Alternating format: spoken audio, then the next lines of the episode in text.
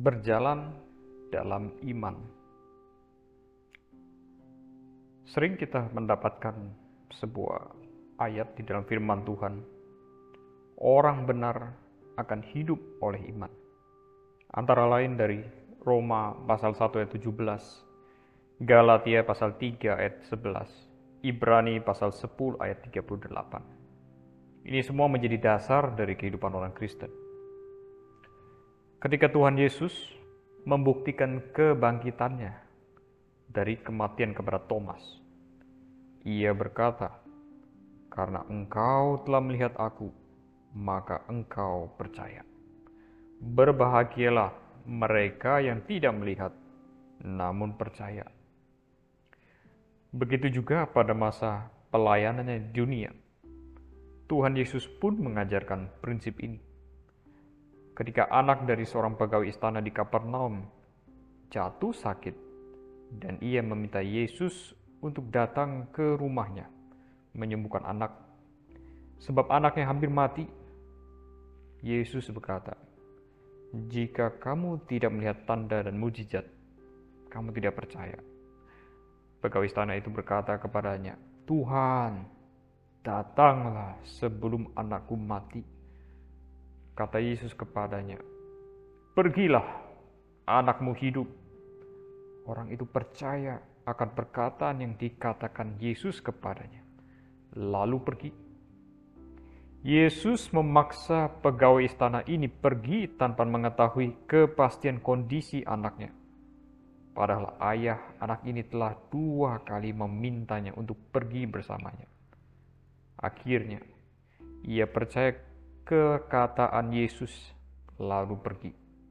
Dan melalui pengalaman tersebut, pegawai istana ini melihat bahwa Yesus berkuasa melampaui ruang dan waktu karena anaknya sembuh pada detik Yesus berkata, "Pergilah, anakmu hidup."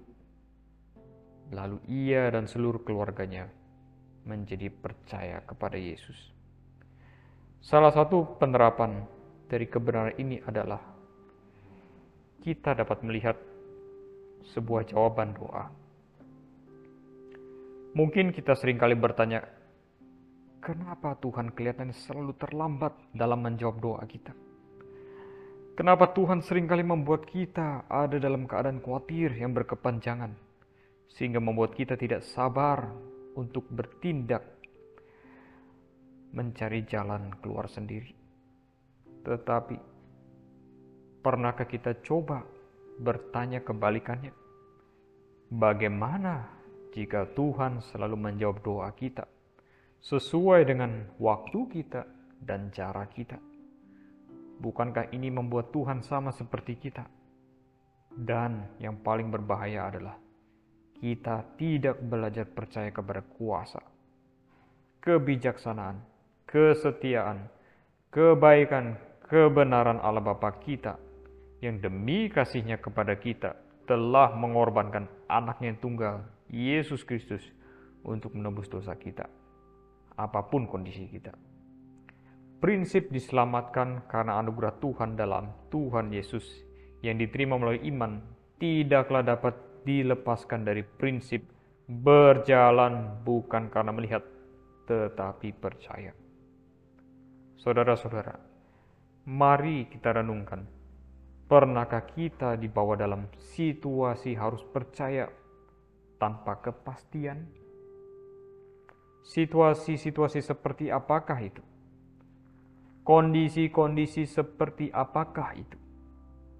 Apa yang dapat kita lakukan saat berada dalam situasi seperti itu?